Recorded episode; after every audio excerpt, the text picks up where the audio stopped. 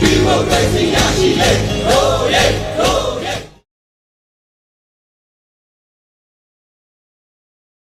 ပြည်သူလူထုအားလုံးပဲမင်္ဂလာပါရှင်။ပြိပက္ခများထဲမှာပြည်သူတွေအားလုံးဘေးကင်းလုံခြုံမှုကြိုတင်ပြင်ဆင်မှုအတွက်အကြံပြုတင်ပြဖို့အချိန်ကြာရောက်လို့လာပြန်ပါပြီ။ကျွန်မပြောပြတဲ့အချက်တွေကိုလည်းလိုက်ပါလှုပ်ဆောင်နိုင်မယ်လို့ယုံကြည်ပါတယ်။အခုအစီအစဉ်မှာတော့ လက်နက်ကြီးနဲ့ပြစ်ခတ်ခံရနိုင်တဲ့ဒေသတွေကပြည်သူလူထုတွေအတွက်သတိပြုရမယ့်အချက်တွေကိုဆွေးနွေးပေးသွားမှာဖြစ်ပါတယ်။လက်နက်ကြီးပြစ်ခတ်နိုင်တဲ့ဒေသကပြည်သူလူထုတွေအနေနဲ့မိမိနေအိမ်မှာကတုတ်ချင်းဘုံခိုချင်းတွေတူးထားဖို့လိုအပ်ပါတယ်။ဒါမှမဟုတ်လို့ရှိရင်သဲအိတ်ဘီလက်မြေအိတ်တွေနဲ့ဘုံခိုလှုံမှုနေရာတွေဖန်တီးထားဖို့အထူးလိုအပ်ပါတယ်ရှင်။အမိုးပြုလုပ်ဖို့လိုအပ်မယ်ဆိုရင်တော့တက်ကဲမိုးကာတွေနဲ့အုပ်မိုးနိုင်ပါတယ်။ ကတုတ်ချင်းနဲ့ဘုံခိုဖို့နေရာလုပ်ဖို့မလွယ်ဘူးဆိုလို့ရှိရင်တော့နေအိမ်ရဲ့အတွင်းပိုင်းအကျဆုံးနဲ့အလုံးကျုံဆုံးအခန်းတစ်ခုကိုသတ်မှတ်ပြီးတော့ပုံအောင်ခိုလုံရမှာဖြစ်ပါတယ်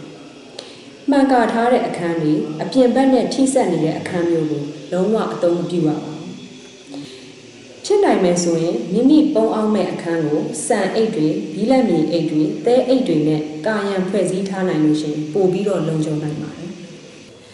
လက်နက်ကြီးတန်ဟာအလွန်ကိုကျဲလောင်ပါတယ်။နာမကျန်းသူတွေတက်ကြီးရွယ်အိုတွေမိနေတဲ့တွေကလေးသူငယ်တွေအတွက်အလွန်အမင်းထိတ်လန့်စေနိုင်တာမို့လို့နားတွင်ပိတ်ဆို့စရာနှကြက်တစ်ခုခုခွန်းစာပတ်တီးလေစတာတွေနဲ့နားကိုပိတ်ဆို့ထားပေးဖို့လိုအပ်ပါတယ်ရှင်။လက်နက်ကြီးတွေရဲ့ပြင်းထန်တဲ့ပောက်ကွဲတံကြောင့်နားစီကိုကွဲစေနိုင်တာမို့လို့နားကိုပိတ်ပြီးပါဇက်ကိုဟထားဖို့လိုအပ်ပါတယ်။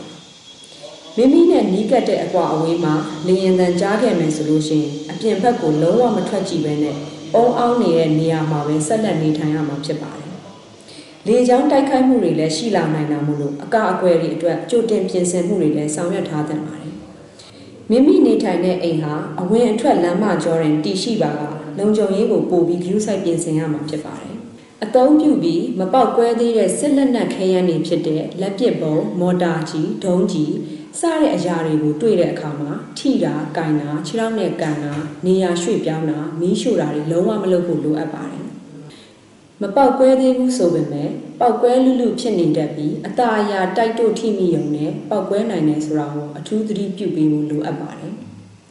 ကျမအခုဆွေးနွေးသွားတဲ့အချက်အလက်တွေကတော့အမျိုးသားညီညွတ်ရေးအစိုးရလူသားချင်းစာနာထောက်ထားရေးနဲ့ဘေးအန္တရာယ်ဆိုင်ရာစီမံခန့်ခွဲရေးဝန်ကြီးဌာနထုတ်ပြန်ထားတဲ့ပြည်ပခများအတွင်ပြည်သူများဘေးအန္တရာယ်အတွက်ကြိုတင်ပြင်ဆင်နိုင်ရန်အချက်တွေပဲဖြစ်ပါတယ်